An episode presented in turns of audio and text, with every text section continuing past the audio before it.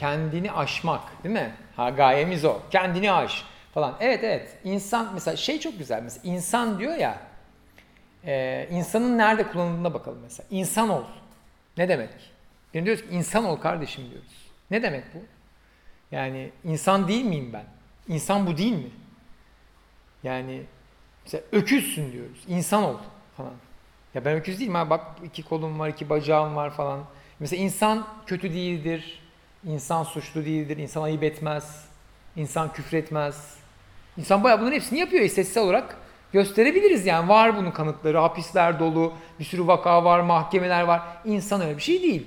Mesela ne oluyor? O idea tanımından geliyor. Yani biz bir insan tanımlıyoruz. İdeal bir insan. Ona inanmamız lazım. Yani insan aslında çok güzel bir canlı da bu hayvanlar yapmıyor falan demeye çalışıyoruz yani. Halbuki gerçekçi olmak lazım orada biraz. Yani insanın ne olduğunu kabul etmek lazım. E, zaten o dediğini Albert Camus'un dediğini yapanlar o insanlar. Üst insanı tanımlayanlar. İyi olanlar yani tırnak içerisinde bu arada.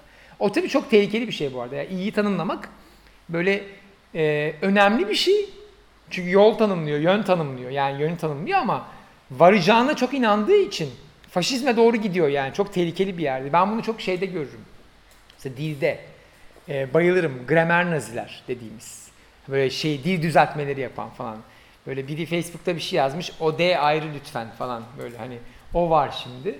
Sanki yanlış anladı. Ya sen D'yi ayrı yazmam gerektiğini anladıysan cümleyi anlamışsın demektir. Çünkü anlamıyorsan eğer D'yi ayrı yazmam gerektiğini söyleyememen lazım. Şunu mu demek istedim, bunu mu demen gerekiyor mesela değil mi? Onu dese tamam diyeceğim. Yani burada ben de dikkat ederim o ayrı konu ama gözlemlerim çok dikkat çünkü benim neden dikkat etme söyleyeyim yani. Onlar ortaokulda bize kazındı. Yani o sınavları hazır. Ben çok sınav çocuğuydum yani. Zorla öğretildi bize yani. Ama şimdi şunu görebiliyorum günümüzde. Bu bu kadar böyle bir şey. D dağda değilim bu arada. Yani bir sürü şey var bununla ilgili. Öyle kullanılmaz. Onun anlamı o değil. O böyle. Bu elitizm aslında. Şimdi gelelim konuya. Şimdi burada şu önemli. Robert Pierce'in e, Zen ve motosiklet bakım sanatında söylediği çok güzel bir şey var.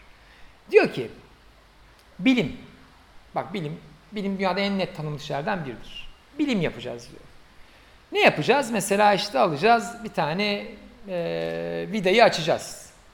Şimdi ben bununla ilgili bir deney tanımlıyorum. Diyorum ki işte vidanın üzerine şalgam döktüm, şalgam suyu döktüm, vidayı açmaya çalıştım.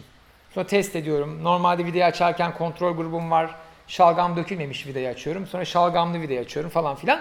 Performans arttı mı diye bakıyorum. Şimdi böyle makale yazabilir miyim? Yazarım. Bal gibi de yazarım. Ben bilimsel olur mu? Olur. Niye yazmıyorum? Kim söyledi yazmamı? Kimse söylemedi. Diyor ki burada sezgisel bir şey var diyor yani. Bunları reddetmemiz lazım. Şimdi şeye gelelim, o dil kurallarına gelelim. Biraz uzaklaştım. Diyor ki dil kuralları diyor, e, örf adet kurallarıdır. Yani çatal bıçağın nereye konacağı kural gibi kurallardır diyor. Yemek yemekle ilgili bir şey söylemez diyor. Şimdi dediğim bilim kuralları da öyledir. Nasıl makale yazacağını sana söylemez. Nasıl yazabileceğini söyler. Dolayısıyla o dil kurallarını abartmamamız gerekiyor. Onlar niyetini, dili nasıl kullanacağını göstermez. Kurallar önemlidir. Hatalara yol açmak açısından o kadar yani. Ve bu arada zaten dilin tarihine baktığımızda o aşırı inandığımız dil kurallarının nasıl kurulduğunu görmeye başlarız. Şimdi çıkmış Deli ve Dahi'nin filmini çekmişler galiba. Filmi izlemedim ama bu Oxford'un sözlüğünü yazanların hikayesi. Yani şimdi filmde var mı bilmiyorum ama hikayeden söyleyeceğim. Bir kelime var. 26 tür yazılışı var. İngilizce'de. Bayağı alıyorlar liste 26 tane. Hangisini seçip sözlüğe yazacaklar? Ya diyor ki bizim komşu bunu kullanıyor bunu yazalım. Bence bu olsun. Ya senin o inandığın sözlük kurallarının bir kısmı böyle karar veriliyor. Şimdi bu kuralları yani TDK'yı düşünelim ya. Bir sürü kurala TDK karar verdi değil mi?